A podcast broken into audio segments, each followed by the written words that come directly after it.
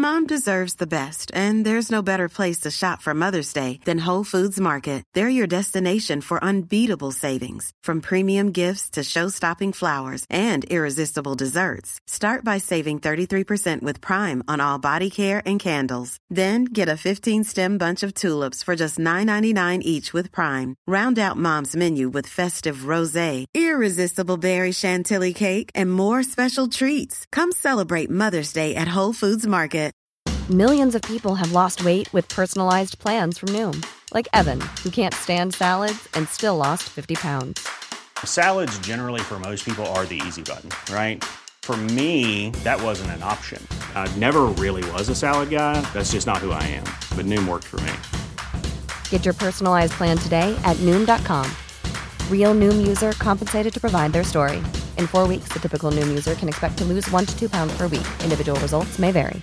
Planning for your next trip? Elevate your travel style with Quince. Quince has all the jet setting essentials you'll want for your next getaway, like European linen, premium luggage options, buttery soft Italian leather bags, and so much more. And it's all priced at 50 to 80% less than similar brands. Plus, Quince only works with factories that use safe and ethical manufacturing practices. Pack your bags with high-quality essentials you'll be wearing for vacations to come with Quince. Go to quince.com slash trip for free shipping and 365-day returns.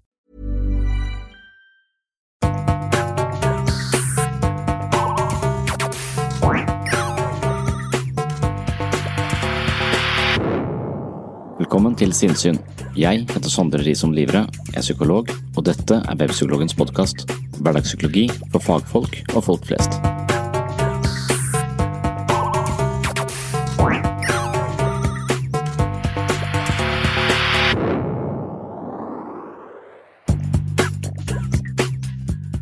Hva er en kyniker?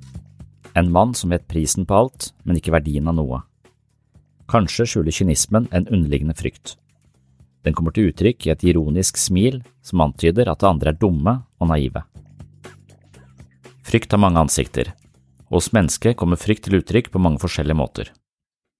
Frykt er i utgangspunktet en følelse som skal sørge for at vi unngår eller overlever farer, men frykt er også en følelse som lurer seg inn i menneskelivet på upassende måter.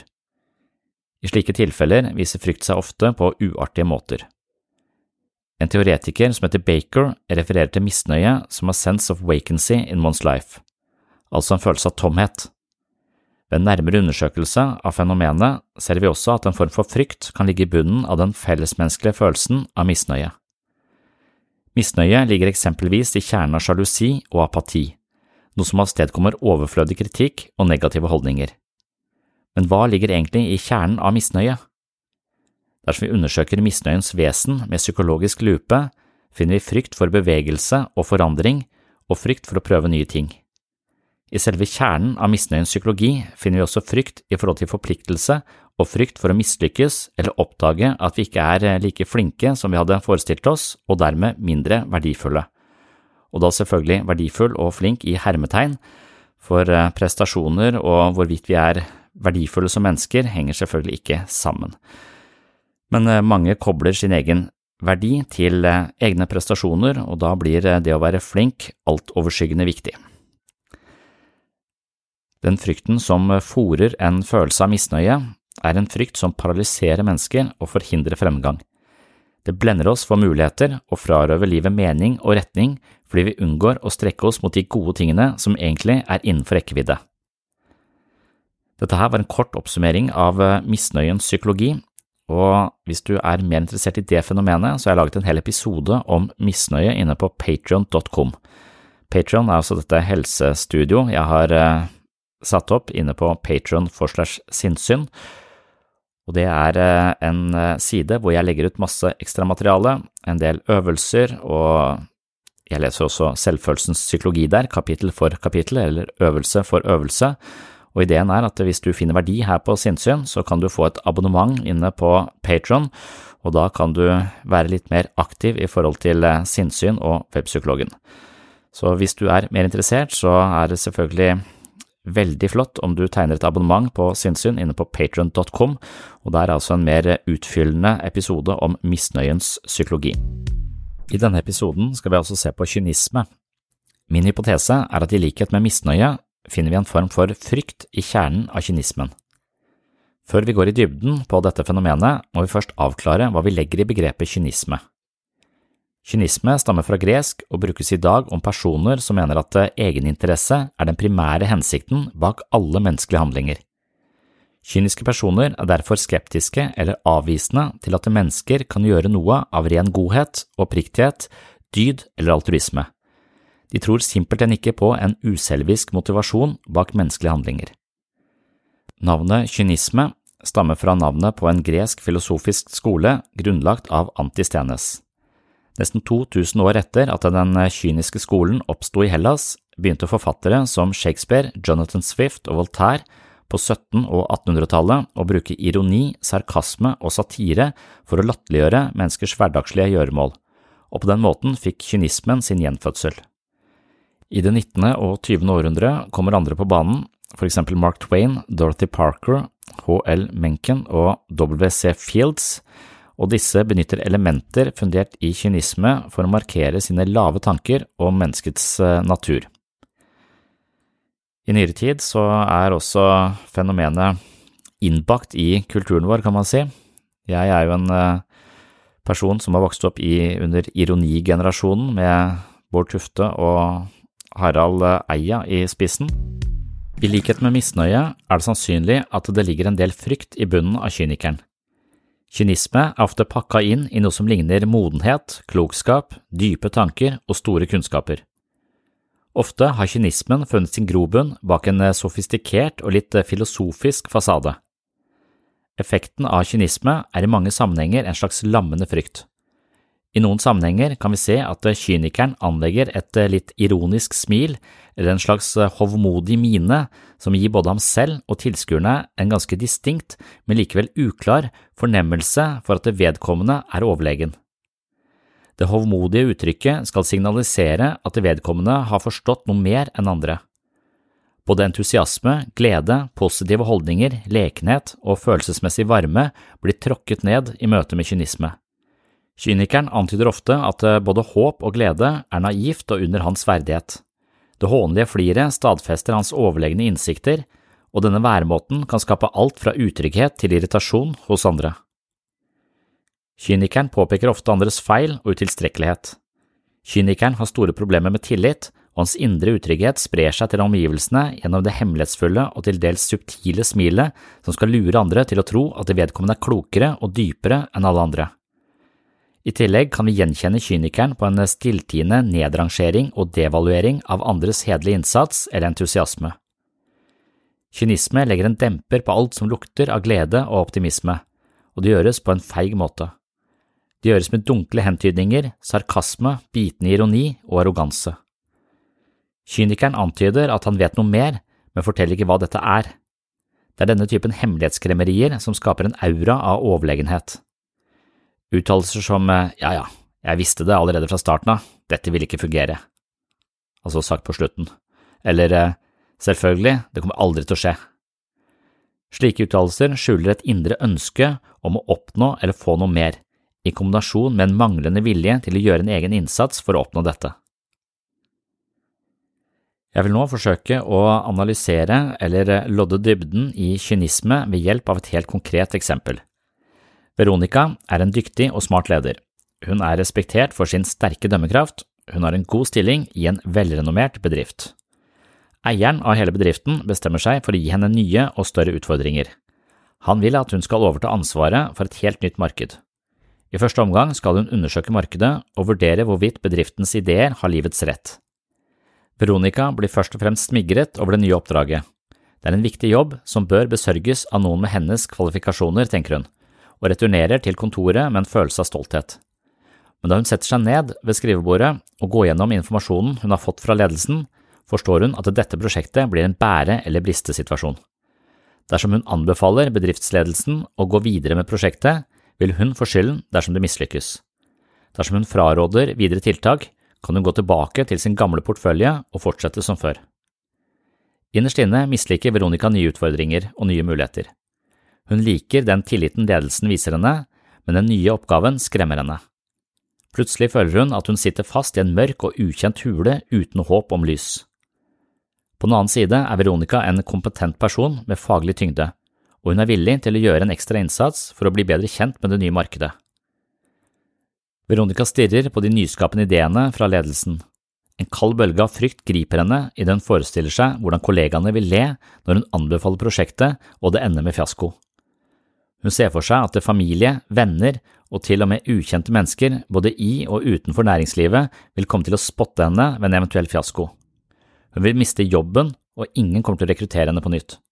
Hennes rykte vil bli spolert for alltid, og alt dette på grunn av et tilfeldig innfall hos ledelsen. Ledelsens ekspansive ideer om å bevege seg inn på nye markeder kan bli hennes bane. Alle kan vel se at et slikt prosjekt er dømt til å mislykkes. Eller? Bedriften har ikke tilstrekkelig produksjonskapasitet, og det vil koste for mye å sette opp flere produksjonsenheter. En strøm av negative tanker flyter gjennom Veronica. Hun frykter for sin egen fremtid, og dermed bestemmer hun seg for å undersøke ledelsens nye forslag, men konkluderer med at det ikke vil lønne seg. Dermed går Veronica inn i den nye oppgaven med en helt bestemt innstilling. Dette vil ikke fungere. Når kollegaer snakker med henne om de nye spennende mulighetene, responderer hun med en avvisende kommentar som eh, det kommer nok ikke til å bli noe av. Jungeltelegrafen plukker raskt opp Veronicas holdning til prosjektet, og det kommer ikke som noen overraskelse at hun senere anbefaler ledelsen å avblåse de nye forretningsideene. Lederen for hele bedriften vurderer Veronicas rapport med blandede følelser. Han har en sterk anelse om at noe er galt, men sier ingenting til Veronica. Han vil ikke uroe henne. På tross av Veronicas konklusjon velger han å sette opp nye produksjonsenheter i tråd med sine egne overbevisninger.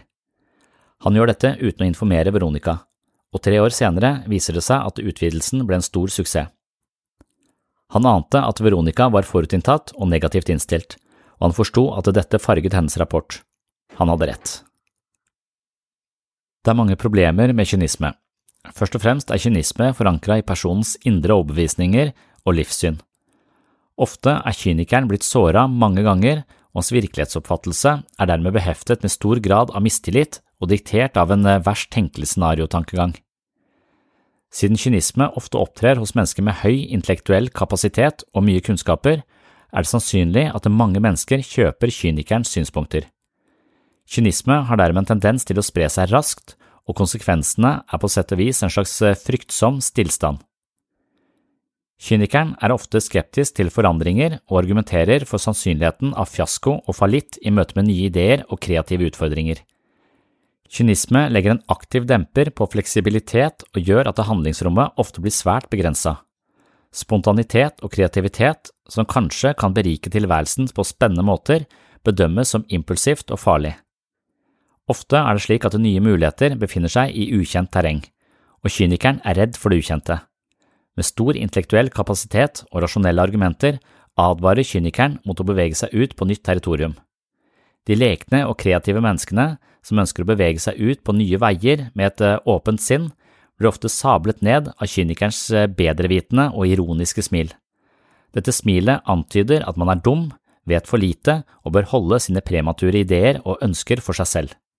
Med andre ord fører kynisme til stagnasjon og utrygghet, og ikke så mye mer.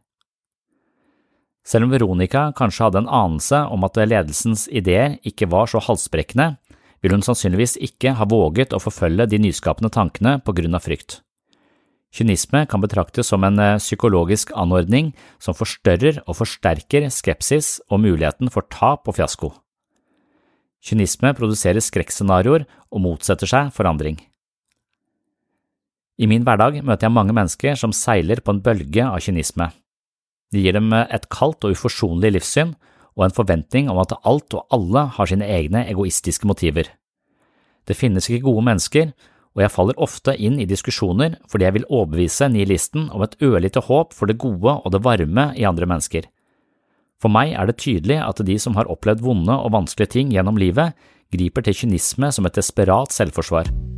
I en bedrift er eh, brainstorming et konsept som motkjemper kynismens bitende krefter. Brainstorming fordrer en åpen holdning som lar nye ideer florere fritt. Ofte lønner det seg å begynne en prosess med kreativitet for å la skaperkraften få fritt spillerom. I første omgang kan man legge skepsis litt til side for å ikke la virkelighetens begrensninger ta brodden av visjonære impulser. I neste omgang kan man eh, lage et regnskap over de elementene som taler for å forfølge en ny idé, og beregne dette opp mot de eh, aspektene som taler imot å forfølge denne ideen. Dersom dette gjøres i samråd og åpenhet med ledelsen, unngår man å havne i den låste posisjonen som Veronica plutselig befant seg i. Utfallet av hennes vurderinger ville veie tungt for hennes egen fremtid, hvorpå frykten slo rot i henne og viste seg med kynismens ansikt. Så her har vi altså Veronica og vi har Henry Rollins eh, som på hver sine måter eh, gjemmer seg bak eh, kynisme. Henry Rollins eh, han har en bakgrunn i rusmisbruk og faenskap, det vet vi ikke nødvendigvis om Veronica, men hun er eh, også redd for å mislykkes, og det er eh, frykt som driver denne kynismen fremover. Og begge to er forholdsvis intelligente, så dette er liksom de smarte menneskenes psykiske forsvar, kan man si. Selvfølgelig så kan man være mindre smart og være kynisk, eh, det handler ikke nødvendigvis om intellektuell kapasitet, men eh, det er som om kynismen på en måte er, eh, har pakket seg inn i en slags sofistikert innpakning, så den ser veldig smart ut, men så egentlig så er det frykt. En annen ting det er verdt å tenke over, og en ting som ligger meg ganske nært, er kynisme i helsevesenet. Hvordan vil det se ut dersom en lege er besmitta med en kynisk holdning? Hvilken effekt har egentlig det? Dette er dessverre en uhelbredelig tilstand, så du må nok bare akseptere skjebnen din. Jeg har flere ganger hørt at fagfolk beklager seg over bekymrede pasienter som tror de vet mer enn legen. Et sykt menneske frykter selvfølgelig for sin skjebne, mens legen er mer eller mindre vant til den harde realiteten hvor de ulike sykdommene befinner seg i grenseoppgangen mellom livet og døden. Og når jeg her sier vant til, så skjønner jeg at det kanskje heller ikke helt stemmer, Derfor setter jeg vant til i hermetegn. Det kan også hende at uh, det er misvisende å tenke at folk er vant til døden. Muligens er det slik at de fleste mennesker gripes av en eller annen form for frykt og følelse av hjelpeløshet i møte med døden. Dersom vi går til den delen av psykologien som beskjeftiger seg med filosofi og eksistensialisme, finner vi nettopp en slik antakelse. Irvin Yalom er en eksistensiell psykoterapeut som mener at de indre konfliktene som martrer mennesket, ikke bare har sitt opphav i undertrykte instinktive impulser, internaliserte betydningsfulle voksne eller fragmenter av glemte og traumatiske minner, men også menneskets konfrontasjon med eksistensens grunnvilkår. Disse grunnvilkårene ligger alltid skjult bakom hverdagslige gjøremål, men de kommer til overflaten dersom vi reflekterer dypt over vår situasjon i verden eller i situasjonen Mother's Day is around the corner. Find the perfect gift for the mom in your life with a stunning piece of jewelry from Blue Nile. From timeless pearls to dazzling gemstones, Blue Nile has something she'll adore. Need it fast? Most items can ship overnight. Plus, enjoy guaranteed free shipping and returns. Don't miss our special Mother's Day deals. Save big on the season's most beautiful trends. For a limited time, get up to 50% off by going to BlueNile.com. That's BlueNile.com. Many of us have those stubborn pounds that seem impossible to lose, no matter how good we eat or how hard we work out. My solution is PlushCare. PlushCare is a leading telehealth provider with doctors who are there for you day and night to partner with you in your weight loss journey. They can prescribe FDA-approved weight loss medications like Wagovi and Zepbound for those who qualify. Plus, they accept most insurance plans. To get started, visit plushcare.com slash weight loss. That's plushcare.com slash weight loss. Burrow's furniture is built for the way you live. From ensuring easy assembly and disassembly to honoring highly requested new colors for their award-winning seating, they always have their customers in mind. Their modular seating is made out of durable materials to last and grow with you. And with Burrow, you always get fast, free shipping. Get up to 60% off during Burrow's Memorial Day sale at burrow.com slash ACAST. That's burrow.com slash ACAST. burrow.com slash ACAST. Hvor livet for alvor viser sin skjørhet. For Yalom er det død, isolasjon, meningen med livet og frihet blant de mest sentrale elementene som ligger i eksistensens dypstrukturer. Dette er noe mange leger konfronteres med på ukentlig basis i sitt møte med pasienter. Kanskje prikker dette ved legens egen eksistensielle tvil og anstifter en indre uro eller frykt. Kanskje kommer kynismen frem som et slags forsvar hver gang legen ser døden i pasientens øyne. Dette kan i så tilfelle skape en svært uheldig situasjon.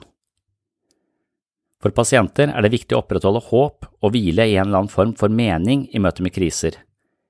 Dersom legen inntar en nøktern, kald eller kynisk holdning til pasientens problemer, kan det hende at realiteten blir for hardtslående.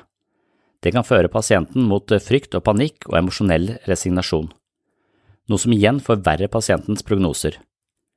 Det viser seg at vår psykologiske innstilling til sykdom har en stor innvirkning på prognose og utfallet av behandlingen. Dersom vi faller ned i følelsesmessig resignasjon i det øyeblikket legen konstaterer kanser, er muligheten for å overleve betydelig redusert.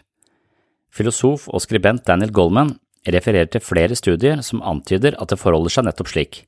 Når menneskers mentale kraft er preget av pessimisme, påvirker det hele systemet og kan i verste fall være dødelig. I forhold til de fleste former for behandling er placeboeffekten ofte en avgjørende faktor. Placeboeffekten er et begrep som brukes om personlig eller kulturelt skapte forventninger som forårsaker eller medvirker til psykisk og fysisk forbedring i en tilstand. Den amerikanske forfatteren Thronton Wilder er kjent for sitatet. Hun hadde tillatt kynismen å slå rot i sitt hjerte, og hennes tunge var blitt skarp og farlig. Dersom kynisme blir legens flukt fra sin egen dødelighet, kan det hende at hans tunge blir skarp og skadelig for en pasient i krise og nød. Det kan rett og slett skade den helbredende kraften som ligger i pasientens evne til å håpe, tro og ikke miste motet og finne trygghet og lindring i en god relasjon til en hjelper og et medmenneske. Et annet element det er verdt å tenke over, er kynisme i grupper. I mange kulturer er folk generelt skeptiske og kyniske i forhold til politiske ledere. Baker og Walters er to teoretikere som skriver om hvordan kynisme og frykt blant eh, afroamerikanere gjorde at de mistet håpet, resignerte og ble redde for å stå frem. Dersom en gruppe mennesker er eh, forhåndsinnstilte eller kondisjonerte til å tro at eh, fargede ledere vil forråde folket og stadig forhandle for personlig vinning snarere enn for folkets beste, er det et dårlig utgangspunkt for å etablere en demokratisk prosess. På den ene siden nærer folk en sterk mistillit til lederskapet, og på den andre siden bebor de en frykt som hindrer dem i å ta tydelig standpunkt, ansvar eller arbeide for selvstyre. Med slik dynamikk får vi en befolkning som hviler i en form for ønsketenkning om en kommende Messias, en ren, pålitelig og sterk personlighet med altruistiske målsetninger og stor gjennomslagskraft. De vegrer seg for å ta saken i egne hender, frykten og usikkerheten dette innebærer oppleves som altfor stor, og som en maske foran denne frykten er det ofte kynismen som kommer til uttrykk. I slike sammenhenger har befolkningen en tendens til å plassere alle Messias-lignende personer på en pidestall, men det kommer sjelden noe godt ut av det. Forandring er kun mulig dersom folket tar ansvar selv og står sammen, noe vi kanskje er vitne til flere steder i Afrika og Midtøsten i disse dager. Etter opptøyene i Egypt og Tunisia og urolighetene i en rekke andre arabiske land kan det virke som om mennesker som lever under udemokratiske forhold, endelig har funnet sin stemme og har valgt å ta et steg i retning mot en demokratisk fremtid. I så tilfelle kan vi kanskje si at det har eh, seiret over kynismens kalde grep og trosset den frykten som er selve drivkraften i den kyniske holdningen. Kynisme er avhengig av og trives med status quo. Når en gruppe mennesker eller eh, et helt samfunn er fanget under kynismens harde grep, finner vi stort sett kritikk, negativitet og håpløshet, men lite mot til å gjøre noe med situasjonen, lite mot til å iverksette forandring. Det er på mange måter kynismens farligste felle. Et annet sted kynismen virkelig grep fatt i meg, det var i eh, boka til Oscar Wilde om eh, Dorian Gray, altså bildet av eh, Dorian Gray av uh, Oscar Wilde. Og dette var en bok jeg leste som ung, og det er en bok jeg har lest flere ganger etterpå. Og jeg husker at det, det er en av de bøkene som har gjort sterkest inntrykk på meg, tror jeg, første gang jeg leste den. Og det var nesten som om jeg denne kynismen ble, ble litt sånn opphøyet for meg, som om jeg kunne kjenne meg igjen i det, som om min egen usikkerhet hadde behov for et skjold som jeg kunne gjemme meg bak, og det å være kynisk og tøff og hard og realistisk og pessimistisk istedenfor eh, sårbar, ærlig, usikker og nervøs, som eh, var mer nær min situasjon som ung, ung og usikker, så skulle jeg mer eller mindre tøffe meg med denne kynismen, og sånn var det. Jeg tror denne boka grep meg i første omgang, Men så etter hvert så har jeg på en måte hatt Henry med meg i bakhodet, og jeg har eh, kjent hvordan eh, denne kynismen har vært et, eh, vært et skjold som skaper avstand mellom meg og andre istedenfor nærhet. Og jeg vet ikke om jeg har vært sånn veldig hardt grepet av, av, dette, men jeg har etter hvert skjønt at det å våge å være sårbar er det som virkelig krever mot, da, og det som virkelig også kan skape gode og nære relasjoner til andre mennesker. Så etter hvert så har nok kynismen blitt noe jeg skal si, forakter, og ser litt eh, Ja, jeg kan vel tenke meg at man kan ha en viss omsorg for det, men eh, mennesker som hele tiden lurer eh, med dette smilet, denne litt nedlatende smilet som skal antyde at man er litt dum og naiv, de tror jeg ikke alltid har rett, selv om de kan virke veldig kloke og smarte og ha en sterk stemme i den offentlige debatten, for eksempel. Jeg føler av og til at eh, Facebook-feeden min er eh, litt full av eh, kynisme. Så det er jeg ikke noe begeistra for, og det kommer så tydelig fram for meg i boka til Oscar Wilde og bildet av Dorian Gray.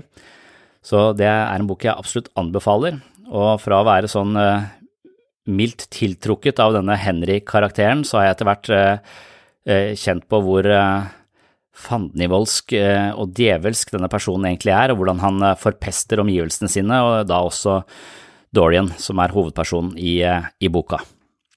Så også i litteraturen så finner vi veldig gode eksempler på hvordan kynismen skaper en kald frykt mellom eh, mennesker i grupper av mennesker, og hvordan det samtidig fungerer som et skjold for den som er mest redd og engstelig for nærhet og sårbarhet. Oscar Wilde skrev altså boken Bildet av Dorian Gray. Personlig rangerer jeg denne boka blant de beste jeg har lest.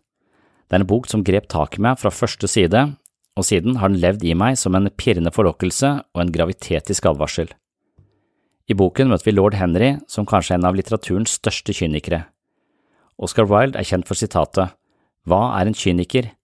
En mann som vet prisen på alt, men ikke verdien av noe. Altså det samme som jeg innledet dagens episode med. Det er også en treffende beskrivelse av lord Henry. Noen vil si at en kyniker er en som mista troen på julenissen i tidlig alder, men ennå ikke har kommet over det. Det er eh, mennesker som ser verden gjennom en kald og hyperrealistisk lupe. Sannheten uttrykkes uansett omkostningene, og det er Henrys brutale ærlighet som gjør at jeg opplever ham som en eh, særdeles fascinerende og samtidig skremmende person. Han er en gjennomført kyniker som ser etter likkisten når han kjenner duften av blomster. Bildet av Dorian Gray har sin velfortjente plass i verdenslitteraturen, og det er eh, selve ideen bak denne boka som plasserer den i litteraturens toppsjikte. Jan Kjærstad beskriver plottet i Wilds mesterverk på følgende måte. Kan vi, spør mannen, lokke mer ut av livet enn livet kan gi? Kan vi bytte om på liv og kunst? Da Basil Hallward maler et portrett av den vidunderlig vakre Dorian Gray, ønsker Dorian i et eh, fatalt øyeblikk, fristet av sin mentor lord Henry, at bildet skal bli gammelt mens han selv forblir ung. Ønsket går i oppfyllelse. Dorian Gray får evig ungdom, men samtidig en lidenskap for villere og villere utskeielser. Portrettet ikke bare eldes, det viser også fram Dorians stadig mer fordervede og grusomme trekk, hans motbydelige vesen. Oscar Wildes genistrek er å gi leseren et konkret bilde for det vi ellers hefter vage og abstrakte ord på, samvittighet og sjel. Dorian er et eh, uskyldig, naivt og åpenhjertig menneske som langsomt innføres i virkelighetens hardhet av sin mentor. Du må ta det du vil ha, for livet gir deg ikke noe mer enn det du selv erobrer. Gjennom romanen forderves Dorians sjel av Henrys kynisme. Følelsesmessige hensyn, mellommenneskelige verdier, moral og etikk kommer i skyggen av en brutal egeninteresse.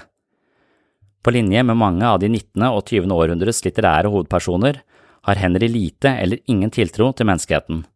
For ham finnes det ingen iboende godhet, og Henry har tatt konsekvensene av dette. Det samme skjer med Dorian, og for meg er romanen dypt tragisk. Det blir åpenbart at Henry er en mann som vet prisen på alt, men ikke verdien av noe. Vi lever i en tidsalder da unødvendige ting er det eneste vi trenger, er et uforglemmelig sitat fra bildet av Dorian Gray. Romanen er skrevet i dekadenslitteraturens epoke, men mye i historien, ikke minst ungdomskulturen, minner mistenkelig om vår egen tidsalder. Det gjør bildet av Dorian Gray til en aktuell bok. Jan Kjærstad utfordrer oss. Les den og nyt den. Les den og bli skremt. Min konklusjon på denne episoden om kynisme sammenfaller med et kjent sitat fra den amerikanske forfatteren og kritikeren Erica Young, som sier følgende om kynismens vesen. Det er mange som i dag tror at kynisme krever mot. Egentlig er kynisme toppen av feighet. Det er uskyld og åpenhjertighet som krever virkelig mot, uansett hvor ofte vi blir såra som følge av det. Liker du denne episoden, altså en litt mer sånn hverdagspsykologisk episode fra sinnssyn, så kan jeg røpe at du finner flere slike episoder på min Patron-side. Jeg har blant annet laget en slik episode om misunnelse og en episode om misnøye. Jeg tror det blir episode åtte og ni inne på Patron. Ønsker du mer sinnssyn hver måned, bidra til å holde hjula i gang her på podkasten og få et eh, eksklusivt medlemskap på mitt mentale helsestudio, så kan det hende at eh, patron.com for segs sinnssyn er noe for deg. Som kanskje mange av dere har fått med seg, så har jeg altså opprettet en Patron-konto for en tid tilbake. Patron er et nettsted og en app hvor man kan velge å gi en liten sum i måneden til sinnssyn. Jeg har ikke tenkt til å bli rik, men podkasten er ganske kostnadskrevende for meg, både når det gjelder tidsbruk og alt fra teknisk bistand til abonnementer på distribusjonsplattformer og lydtekniske tjenester. Med en liten månedlig støtte fra dere som finner verdi her på Sinnsyn, tilsvarende prisen på en kopp kaffe eller to i måneden, så ville det hjelpe meg å fortsette prosjektet og dessuten prioritere det høyere. Jeg håper på bedre kvalitet og kvantitet på podkasten med deres hjelp, og jeg har allerede fått en god del drahjelp, og det setter jeg enormt stor pris på, så tusen hjertelig takk til alle dere som allerede har blitt Patrion-supportere. De som har eh, det økonomisk vanskelig, skal selvfølgelig ikke behøve å betale noe som helst. De får ukentlige episoder fra sinnssyn akkurat slik som før. De av dere som kunne tenke dere å bidra, vil få et medlemskap på det jeg kaller Sinnsyns mentale helsestudio. Som medlem får dere mange fordeler, Allerede nå ligger det ganske mange episoder uh, ute der, altså ekstra podkastepisoder som kun er tilgjengelig for medlemmer, og det kommer nytt materiale flere ganger i måneden. Jeg lager også månedlige øvelser som har til hensikt å stimulere og utvikle våre mentale muskler. Og som et eh, ledd i dette, og noe jeg nesten kaller et slags treningsprogram, et mentalt treningsprogram på sinnssyn, så bruker jeg mine egne bøker Selvfølelsens psykologi og Jeg, meg selv og selvbildet, og leser den inn som lydbok, og jeg lager eh, små eh, si, episoder av eh, boka hvor jeg avslutter med en øvelse, og den øvelsen blir man da altså utfordra til å gjøre den uka eh, som eh, episoden kommer ut. Så eh, jeg har jo tenkt at hjernen er som en muskel, og den må stimuleres og trenes, og det å finne øvelser som kan stimulere mentale muskler, det har vært en av mine hovedinteresser som eh, psykolog helt siden jeg starta i 2000, på begynnelsen av 2000-tallet. Så én ting er også å ha innsikt i seg selv, mens en annen ting er å bruke denne innsikten til å leve bedre. Vi er nødt til å implementere psykologisk teori og selvforståelse i eget liv dersom det skal ha noen faktisk verdi. Blir du medlem i Sinnsyns eh, helsestudio, så får du altså mye mer sinnssyn hver måned, og du bidrar til å holde hjulene i gang på denne podkasten. Er du interessert i å lese mer om fordelene eller stifte medlemskap i klubben min, så må du gå inn på www.patrion.com for sinnssyn. Du finner også en link inne på webpsykologen eller i shownotes til denne episoden. Tusen hjertelig takk til dere som allerede er medlemmer i klubben, det setter jeg altså utrolig stor pris på, og jeg ser nå en lysende fremtid for podkasten og mine muligheter for å bruke tid på dette prosjektet. Det er jeg særdeles glad for, ettersom jeg liker å produsere episoder her på Sinnsyn. Selv lærer jeg mye og opplever prosessen som kreativ og meningsfull. Det er mye takket være dere som støtter podkasten via Patrion, så tusen hjertelig takk. Det var det for denne gang, håper du henger med i neste episode. På gjenhør!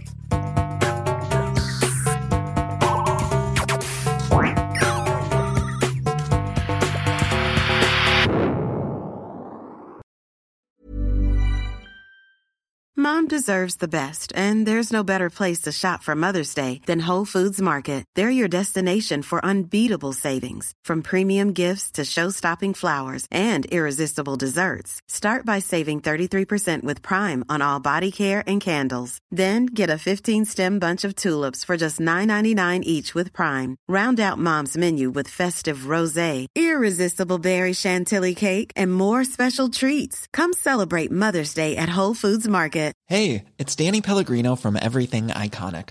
Ready to upgrade your style game without blowing your budget? Check out Quince. They've got all the good stuff shirts and polos, activewear, and fine leather goods, all at 50 to 80% less than other high end brands. And the best part? They're all about safe, ethical, and responsible manufacturing. Get that luxury vibe without the luxury price tag. Hit up quince.com slash upgrade for free shipping and 365 day returns on your next order. That's quince.com slash upgrade.